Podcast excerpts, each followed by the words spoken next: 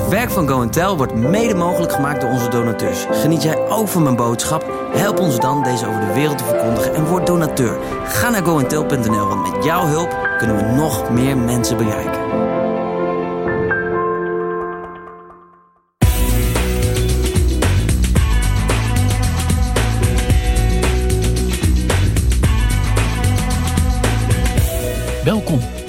Heiligen roept soms negatieve associaties op. Want dat betekent toch dat je niks fout mag doen? En dat houdt toch geen mens vol? Deze podcast zal je absoluut op andere gedachten brengen. Dit is deel 2 van Is genade een vrijbrief?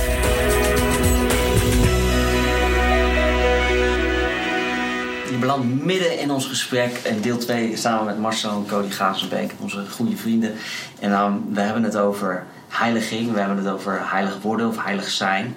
Uh, je, je, gedragen, uh, je aan de regels houden. Uh, ja, dat doen omdat je God wil behagen. maar eigenlijk doe je jezelf een plezier. God geeft alleen richtlijnen. Zegt, dit, is de, de best life. en, en, en mensen denken dat christenen zich moeten inhouden en eigenlijk niet kunnen genieten. Terwijl in de juiste context christenen juist zouden moeten weten hoe vervullend het leven eigenlijk is, hoe mooi het cadeau is wat God ons gegeven heeft. En jij ging ons daar net fantastisch in voor in dit gesprek. Dus ik wou zeggen, Marcel, take it away. deel 2. Uh, deel vanuit je hart. Oké, okay, ja, terwijl je het gesprek opent, is zo leuk, hoor ik alweer dingen dat ik denk, ja, als je dat niet goed begrijpt, hè, dus het woord heiliging ja. en ook uh, regels. Ja. Hoe wij, dat, hoe wij al geneigd zijn dat te verstaan. En dat is niet alleen de Nederlandse taal, dat is niet alleen uh, uh, hoe de kerk het zoveel eeuwen heeft volgedaan. Het zit gewoon überhaupt in de mens. Ja. Uh, maar regels, als je Paulus kijkt, die geeft dan allemaal regels, hoe wij dat noemen, of wij ervaren dat als regels. Terwijl het is eigenlijk instructie ten leven. Hmm. Gebruikt nog steeds oude taal. Als Paulus instructie geeft, geeft hij eigenlijk een routekaart naar goddelijk, vol, vervuld leven. Mm. Ik bedoel, ik kan het vergelijken. Ik heb mijn oude leven waarin ik dan kon doen en laten wat ik wilde. En ik had ook het geld om te doen en laten wat ik wilde. En de vrijheid en de mogelijkheid. Ja, dat, dat, dat, daar werd ik toch niet echt, uh, daar raakte ik niet vervuld van. Daar werd ik niet blij van. Mm. Hè? En dan nu met alle regels kan ik zeggen, ja, ja daar, zit, daar, komt, daar, dat kost geloof omdat het tijd kost. Ja. Uh, heel veel dingen, als je die snel kan pakken. En iedereen wil natuurlijk, iedereen wil nu kopen, iedereen wil nu plezier, iedereen wil nu liefde, iedereen wil nu. Uh, noem maar op. Maar als je, als, je dat, als je dat God de tijd geeft om je er naartoe te leiden op zijn manier, dan kost dan geloof dat zijn manier gaat dan dus wel werken. Ja. Ik Ja. bedoel, je zal geloven in geen seks voor het huwelijk. Dan moet je maar geloven dat het na het huwelijk. Uh, dan hoor je al, dat kost geloof. Ja. Moet je vertrouwen in. hebben. Ja, daar heb je echt vertrouwen nodig. Hè? En, en dat is ook niet makkelijk. Dan zeggen we ook niet van, uh, ja, dat hoor je maar te doen. Dus dat is een, een wandeling van zoeken. Maar ik kan nu getuigen over zoveel gebieden van mijn leven. Dat als je die geloofswandeling aangaat met vallen en opstaan. En oh, wat heb ik fouten gemaakt op alle gebieden. Mm. Maar ik zie wel nu van, ja, maar het is wel waar. Mm. Het is instructie ten leven. Ja. Dus als we over heiliging hebben. Heilig. Ja, heilige betekent in de grond apart zetten. Ja. Nou, in deze tijd meer dan ooit, in coronatijd, met alle moeite zie je natuurlijk, de wereld worstelt. En de Bijbel noemt dat duisternis. Hè, dus duisternis bedekt de aarde, zegt de profeet Isaiah. Dikke duisternis de mensen. Dus de duisternis op de aarde van alles zit tegen met een pandemie, dan met een economie, eh, eh, de verdeeldheid. eh, uh, alle andere dreigende uh, ziekten. Waarheid is niet meer helder. Fake news. Wie, welke leider kan je nog vertrouwen? Dat is duisternis op de aarde. Dat leidt tot dikke duisternis op de mensen. Mm. Want daar zijn we niet voor gemaakt om in zulke omstandigheden. Nee. Alles is onzeker. Ja. Dan zegt God. En daarom is het belangrijk dat je je heiligt. Dat je je apart zet Mm. van die krachten van de wereld. Ja. Ja. Hè? Dus waar, waar, waar heiliging soms een oproep heeft gelegen in de zin van... Oh, dat mag je niet. Ja, of gedraag je. Of Ja. dat hoort niet bij het christelijke leven. Zegt God, zie nou dat die duisternis op de aarde voor de mensen een negatieve spiraal in je gevoel naar beneden. Ja. Want al die onzekerheid en alles, alles wat je dan maar overkomt. Ja, als, da, als, daar je, als daar je ogen op zitten en ook je vertrouwen. En de manieren om ermee om te gaan zijn de manieren van de wereld. Dus dan drink ik maar een avondje. Dan uh, ik probeer er maar weg te kijken. Of Ja. snel geld maken. Ja, Eh, want dat is de, de, de mens probeert er onderuit te komen. Ja, ik denk dat het heel belangrijk is om te beseffen dat hè, eh, fouten maken, eh, zondigen, je doel missen, dat is letterlijk wat, hè, wat zondigen betekent, dat het nog steeds consequenties heeft. En ook al zijn je zonden vergeven, dat het jou wel raakt op het moment dat je verkeerde keuzes maakt. Dat het niet zo is dat, dat alle ellende uit je leven verdwijnt. Hè, net zoals dat een snelweg heeft een vangrail, dat is aan de snelweg. Dat zegt dat als je er overheen gaat, dan kom je aan de andere kant van de weg. En dan kan er een ongeluk gebeuren. Ja. En dat is wat God eigenlijk zegt in die richtinggeving, ook in de brieven van Paulus. Ja, als je de goede kant op wil, dan moet je deze route volgen. En dan is het gewoon het beste voor je om dat op die manier te doen. En vertrouw je dan de bron en je liefhebbende vader die zegt: hé, hey, dit is gewoon, hè, dit is de route. Of ben je wantrouwend? Die zegt: ja, eigenlijk wel aan de andere kant van de snelweg rijden tegen het verkeer in, want dat, dat, dat, dat is veel leuker. Maar ga je dat doen en maak je brokken, ja, dan, dan, dan, dan ga je wel ook de rommel weer op moeten ruimen in je leven. En dat is niet zo, want de fout die mensen dan maken, is dat ze dan soms denken: ja, maar dan eh, heeft God me dan niet vergeven. Jawel, weet je, want Jezus heeft dat in orde gemaakt. Maar je kan jezelf een heleboel plezier doen door gewoon ook te luisteren naar al die instructies en te vertrouwen dat God echt het beste met je voor heeft. Ja. Ja, dus het is ook het simpele voorbeeld eh, wat vaak gebruikt wordt van neem een stopcontact. Ja, stop je vingers erin, dan ga je echt plat. Weet je, want daar is het niet voor gemaakt. Zo is het niet bedoeld. Ja, Ja. Eh, dus je kan, er, je kan er iets moois mee, maar het kan ook verkeerd aflopen. ja. Eh, Maar als we nou van het concept afkomen dat God maar wil dat je je heiligt, omdat je anders niet rechtvaardig zou zijn of anders. Nee, hij zegt: Ik heb een beter leven voor je.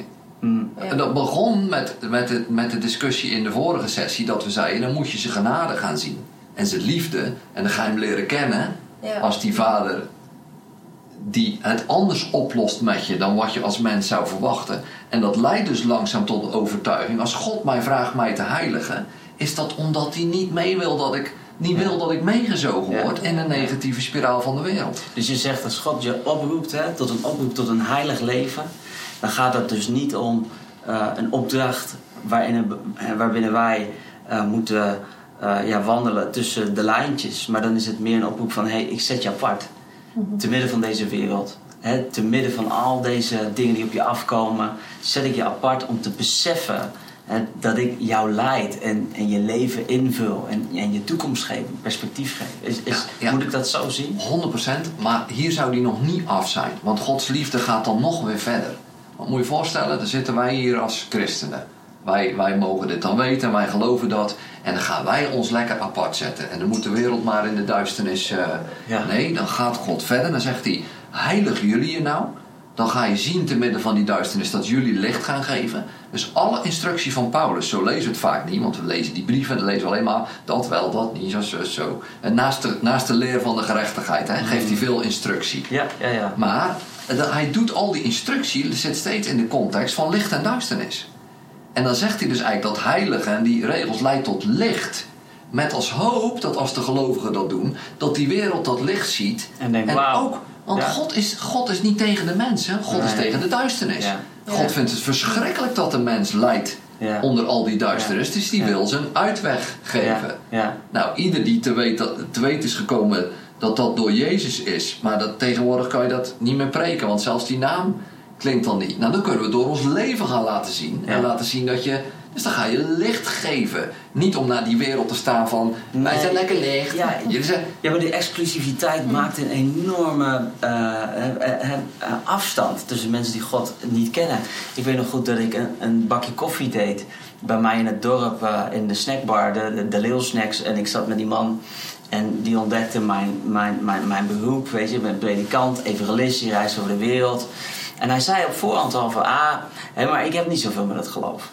Eh, En daarmee zette hij mij natuurlijk al in een bepaalde hoek. Hè, en ook zichzelf op voor discussie. Zo van, we, hè, we, we kunnen elkaar niet bereiken. En toen vroeg ik aan hem, ik zeg, waarom zeg je dat? Ik zeg, is dat omdat je denkt dat ik misschien denk dat ik het allemaal weet en jij het niet snapt? En toen zei hij, ja precies dat ja. Ja. Ik zeg, en dat heeft te maken met onze houding als christenen. Ik zeg, maar als ik dat nou eens omdraai. Ik zeg, als ik nou eens tegen jou zeg van, joh luister, ik denk dat jij al meer van God in je leven ziet dan dat je nu denkt. me zo aan. En toen zeg ik, ik zeg ja. Ik zeg, ik zeg, weet je wat liefhebben is? Ja, zegt hij, weet ik. Ik zeg, voor jou, mijn kinderen. Ik zeg, God is liefde. Ik zeg, dus je hebt hem al leren kennen. Ik zeg, je hebt alleen een verkeerd beeld van hem ontwikkeld. Nou, en dat hart gaat wagenwijd open. En dan, ik heb een ontmoeting. En elke keer als ik voorbij loop, dan zwaait hij, weet je wel. Dan zit ik weer alweer eens een bakje drinken. Omdat ik ook echt geloof, hè, dat dat echte leven, dat, dat vervulde leven... is iets wat God met ieder mens wil delen. En als die in staat is om jou en mijn fouten te vergeven... dat vind ik altijd zo mooi aan de Bijbel. Die, die, die, die praat altijd in extreme. Die praat in overspel, in moordenaars, Barabbas, de overspelige vrouw. En dan heel veel mensen zouden zeggen: ja, maar ik heb niemand vermoord of ik ben niet vreemd gegaan. Dus ja, eh, eh, bij mij gaat het om andere dingen. Maar God gebruikt om extreme om te laten zien dat wij allemaal ergens daartussenin passen. Ja, zeker. Dus, dus het grappige is ook als je gaat heiligen, dat, dat, dan kan je weer denken, ja, nou dan gaan we dat maar doen. Dat kunnen we helemaal niet. Nee. Dus als je je daaraan gaat geven, dan gaat God zijn genade laten stromen, waardoor dat gebeurt. Waardoor je dingen anders kan gaan doen en kan kiezen in geloof voor ander leven. Maar dat is niet onze kracht. Nee. Juist door dat proces van heiliging waar je anders eindigt dan waar je de wereld ziet, doet jou begrijpen: man, ik verdien dit niet. Ja. Ik kan dit niet. Ik ben geen H beter dan die wereld. En toch heb ik het. Ja, Man, ja. gun ik hun ook. ja. Dan word je, als je zacht wordt voor jezelf, word je zacht voor anderen. We, zijn, we weten geen haar beter dan de wereld. We kunnen het geen haar beter dan, Nee. dan iedere ander om ons heen. Ja. Eh, eh, Dus, maar dat, dan is je verwondering in de hele alleen maar toegenomen. Maar dan ga je dus ook kijken naar die mensen. Ach, Ja. ze zijn eigenlijk, ja, we zijn allemaal hetzelfde. Sterker nog, We hebben allemaal hoe redding kan je nodig. nou verwachten van mensen die Jezus niet kennen dat ze niet zouden zondigen? Snap je wat ik bedoel? Dat is een, het is, zo- ik kan je wel zeggen, we zijn er allemaal mee bezig. Maar als je, als je ge- geen inzicht hebt. Wel, dit zegt Paulus letterlijk. Hij zegt als je een tijdje binnen bent, ja, dan mag je wel verwachten. Maar hij zegt, wat kunnen we nou van de wereld verwachten? Die, die mogen helemaal niet oordelen. Nee. Hij, zegt, wat, hij zegt dat En dat letterlijk is wat Jezus ook niet doet, hè? Nooit niet. Eh, Hè? Als hij bij Zacchaeus is, die tollenaar, of waar hij ook binnenkomt, begint hij nooit aan de, aan de voordeur met van, nou, je moet je gedrag veranderen, want anders snap je het niet. Sterker nog, hij komt met open handen en, en, en, en, en een glimlach. En, en het, wordt hem kwalijk genomen dat hij rondhangt met dat soort mensen. Ehm, en dat maakt hem zo mooi en bijzonder. Er is een vraag die bij mij brandt waarvan ik denk dat jij daar misschien wel antwoord op kan geven. Als het niet zo is, dan mag je het natuurlijk ook zeggen. Maar de Bijbel zegt ook dingen als van... je hebt je tot nu toe nog niet tot bloedens toe tegen de zonde eh, verzet. Of eh, het ertoe gevochten om dat te kunnen eh, niet meer te willen doen. Dat spreekt ook als een soort toch actieve houding van ons... dat we daar toch mee bezig moeten zijn of zo om onszelf tegen te beschermen. Hoe zie je dat soort instructies eh, van Paulus? In het licht ook van dit verhaal. Ja, Ehm, nou die, die komt uit de Hebreeënbrief. En de Hebreeënbrief is een verhandeling van de eerste gemeente. Die functioneerde in de tempel naast eh, de oude, de, het Oude Testament, de Oud-testamentische tempeldienst. Dus moet je je voorstellen wat een clash daar plaatsvond. Hè? Dus er werden nog eh, lammetjes eh, geslacht en dat bloed. En daar probeerden mensen gerechtigheid door te krijgen. En daarnaast, hè, dat in de zuilengangen van Salomo, maar dat is in dat tempelcomplex. Was kwam de gemeente van Jezus samen. Die zeiden, dat is niet meer nodig, we hebben nu ons lam gehad. Oké. En, en daarom is dat woordje in die, in die tekst is ook enkelvoud. De grootste zonde op dat moment was vasthouden aan het oude, En nog niet terwijl het nieuwe er is. En dat Zo. leidde letterlijk tot, tot verwijdering in families. Ja. Tot, tot, en, en, en er zat een, een ontzettende druk van de offerdienstkant. ja, om dat in stand te houden. Maar ook om mensen terug te trekken uit, Ja. uit eh, wat, jij gaat in Jezus geloven. Nee, je moet terug. Ja. De, maar als Jezus eenmaal eh, voor de zonde gestorven is, kan je niet ander bloed laten vloeien. En Ja. je moet je tot bloedens toe verzetten tegen die zonde. Weet je, al kost het je leven. Wauw. Dat is heel letterlijk Wauw. waar dat Ja. over gaat. Zo. En daar gaat die tekst over. Ja. Dan zeg ik niet dat we passief moeten zijn in, eh, in eh, makkelijk doen over eh, wat. Want nogmaals, maar dat doe je niet om God te plezieren. De zonde is nog steeds dodelijk. Ja. Dat is precies wat jij zegt. hè. Het gevolg van de zonde is de dood. Ja. Nou, niet als we één ding fout maken. Maar wel vaak als je een grove fout maakt, voel je het zelf al. Je Ja. voelt al de veroordeling, je voelt de, en dat hoeft van God allemaal niet. Maar dat is nou dood. Dat Ja. is niet per se letterlijk dood. Dood is gewoon je dood voelen aan de binnenkant. Of Ja. weten dat je een ander hebt wat hebt aangedaan en daar jezelf ja. de verantwoordelijke. Ja. Dus- Dus, dus, verzet je bij, bij all means. Maar dat, die tekst van tot bloedens toe verzetten ging letterlijk over die tijd en over zonde enkelvoud. De zonde van het En de grootste, aannemen van Jezus en daarna weer afwijzen. Of niet die. en de grootste zonde is eigenlijk hè, de weerstand bieden aan dat enorme cadeau.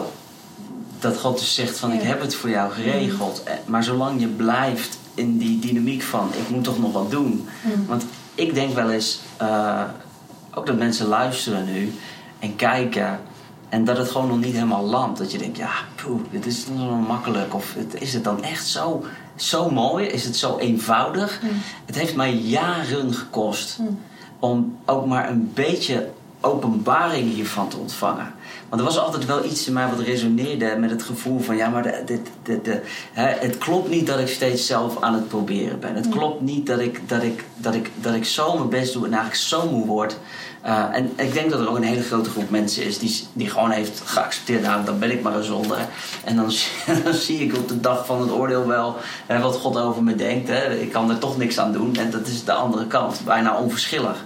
Maar dat had ik niet. Ik wilde juist echt hè, dat leven leven en God een cadeau geven met mijn leven. eh, waardoor die doorheen kon werken. En ten diepste denk je dan toch steeds van... Nou, ja, misschien toch wel een schouderklopje verdiend. Maar ergens vreet het ook aan je. Omdat je denkt, ja, het is nooit genoeg. Je kan het gat nooit niet vullen. En dan toegeven aan dat gevoel van... Ja, dan heb ik misschien ook een hoop voor niks gedaan. Dan snap ik het misschien niet al. Maar het is zo eng. En voor mij zo spannend geweest. En ik kan me voorstellen dat heel veel mensen daar ook naar zitten te kijken. En, dan denken, ja, maar wat als het niet klopt en ik misleid zou zijn. En ik dan maar eh, dit ga geloven. En dan tegenover God staan en het eigenlijk niet uit kan leggen. Want, eh, maar ten diepste is het heel vaak, heb ik gemerkt, toch nog een stukje zelfrechtvaardiging. Doordat ik denk mijn best te doen, dat ik iets bijdraag aan wat Jezus heeft gedaan. Als ik mijn best doe, heb ik ontdekt, is dat goed voor mij. En het is goed voor mijn kinderen, het is goed voor mijn vrouw, het is goed voor de mensen, mijn vrienden. Maar het is niet een cadeau aan God. Het enige wat ik kan doen is, is het cadeau ontvangen. Ehm, en ik gaf dat voorbeeld laatst ook, maar het is alsof je met God uit eten gaat. En zegt, nou, ik zal de rekening betalen. Terwijl hij zegt, eh, ja, maar ik, I own the restaurant, weet je wel. Hoe bedoel je? Ik, ik, ik, ik, hè, ik deel je de lakens uit. Je, je, kan, je, je, hoeft, je kan niet eens iets bijdragen. En dat is zo'n ander besef. En het sluit ook eigenlijk gewoon zo aan zoals God de wereld heeft geschapen. Hè? Kijk, natuurlijk hebben we on- onvolmaakte gezinnen. En, maar tegelijkertijd, als je ook weer kijkt inderdaad naar onze kinderen, hoe we, onze houding is naar onze kinderen. Wat jij gisteren ook toen zei van, weet je, eh, wanneer vergeef je je kinderen? Dat heb je al gedaan voordat ze ook maar iets verkeerd hebben gedaan. Dat, dat zit gewoon in je aard als mens. Dus als je ook maar enigszins twijfelt van zou God echt zo zijn? Waarom zou hij ons zo gescha- geschapen hebben? Wij zijn ook weer een tekenbeeld van Nou, waarom wie zouden hij wij is. beter zijn dan hij? Of Nou ja, zo, zo, ja. Ja. Ja. Dat, merkte ik. Dat ik er was keek naar, naar, naar de kids van... eh, dat God me echt vroeg van... oké, wanneer heb je besloten om te vergeven wat je nu ziet misgaan? Ja. Dan zei ik, nou, dat, dat is niet eens een optie, tuurlijk. Weet je wel. Ik denk er niet eens over na dat ik dat nog moet doen. Ik heb dat, zo leef ik, weet je wel. Ik heb ze geaccepteerd. Ja, ze zijn van mij. nog, Wat ik heel leuk vind als, ik, als je denkt, die- hoe ben je geschapen? Als we in het hof kijken, toen Jezus, toen God de wereld heeft gemaakt. Twee bomen zaten in het midden. Boom, boom van kennis van goed en kwaad. Waar hij van zei, blijf daar wel van weg van. Want wat, dat, dat brengt letterlijk dood, dood in je leven. En dat, we hebben net gezegd, Mars heeft gezegd, het, het is niet alleen echt de fysieke dood, maar het gebeurt iets, het gaat iets, elke keer gaat iets dood is in jou. kapot. En dan heb je nog een boom, en dat is een beeld van Jezus eigenlijk, boom des levens. Ja, daar wilt u dat mee bezig zijn. Dus ik denk ook een hele focus, ook als christenen. Waar ben je con- constant mee bezig in je leven? Ben je met Jezus bezig en de focus daarop? Want His goodness leads us to repentance, zegt Romeinen Ja. 2:4. Ja. Als jij constant met Hem bezig bent en niet... Mag dit wel, mag dit niet? Heb ik dit fout gedaan? Heb ik niet fout? Dan ben je constant met jou. En dat maakt het dat je elke keer iets sterft eigenlijk aan je binnenkant. Ja. Eh, en je komt niks tekort. Want in Matthäus zegt Jezus ook: joh, zoek het eerste koninkrijk van God. Zoek- mij eerst, Ja. Jezus. Ja. En ik zal je alles geven wat je nodig hebt. Al dat Ja. leeg gevoel van binnen gaat hij echt vullen als we met hem bezig zijn. En je kinderen die zullen ook nooit bezig zijn. Je wil ook dat je kinderen niet bezig zijn met of ze het goed doen voor jou. Nee. Maar ze willen, je wil dat ze een relatie met je hebben. Dat ze Ja. gewoon in contact staan met je. En het zou mij verdriet doen als ik mijn kinderen zo bezig zie zijn. En ik denk dat het bij God niet anders zo Nee, je is. kan je niet voorstellen dat je kinderen erbij bezig zijn of, of, of wij ze wel zouden aanvaarden. Ja. Op basis van de schoolcijfers of whatever het is. Ja, je aanvaardt ze, period. Weet je wel, Ja. want ze zijn van jou, ze horen bij jou. Ja. En wat een enorm gevecht eh, dat dat gedachtegoed bij de mensen zo diep zit. En dat is misschien ook wel de, het gevolg van de hele zondeval. Waardoor zoveel mensen eigenlijk zijn afgesneden van de, van de boom des levens. Een heel mooie gedachte ook om mee te eindigen. Ben je constant bezig met goed of kwaad en, en, en wegen? Of richt je op Jezus? Ja. Mag- mag ik daar iets over zeggen tegen We zijn mensen? eigenlijk eh, de, de, de, de tijd al bijna voorbij. Dus als je snel kan bent... kort. Nou, go... eh, Als jij, daar, als jij hier heel erg mee worstelt en je denkt het is te makkelijk of eh, is dit wel bijbels, dan geef ik je een bijbelse gedachte mee om te beginnen steeds. Dus steeds als je in die worsteling zit, begin weer hier met je bewustzijn. Dus, dus de, de vraag is, moet ik toch niet mijn daden en mijn werk en wat ik doe, moet ik dat niet heel serieus nemen hoe ik daarmee omga? Nou, bedenk dan dit. De ergste daad van de mens ooit was dat we Jezus aan het kruis hebben gespijkerd. Maar God wist dat en die gaf zijn zoon toch. Die stuurde zijn zoon toch. En wij spijkerden hem aan het kruis. En dat is het ergste wat de mensheid ooit heeft geproduceerd. En dan kunnen we denken van die mensen toen slecht, maar wij zouden hetzelfde hebben gedaan. Wij zouden er aan mee hebben gedaan. En God heeft die daad, de ergste daad van de mens, genomen. Met zichzelf daarin. En die heeft hij omgedraaid tot onze redding. Jezus aan het kruis, gestorven voor onze zonde, is onze redding. Dus God is in staat om de ergste daad van de mens te nemen en die om te draaien tot de redding van diezelfde mens. Dus de vraag is in je bewustzijn: welk werk geef je meer gewicht? Jouw werken, jouw daden, jouw fouten of Gods werk? Een werk van liefde en genade wat groter is dan alle goede en slechte werken van jou bij elkaar. Hè, dus zondebewustzijn of Jezusbewustzijn en zijn volbrachte werkbewustzijn. Als je daar steeds begint, dan kan je die wandeling gaan wandelen. Fantastisch. Hieruit.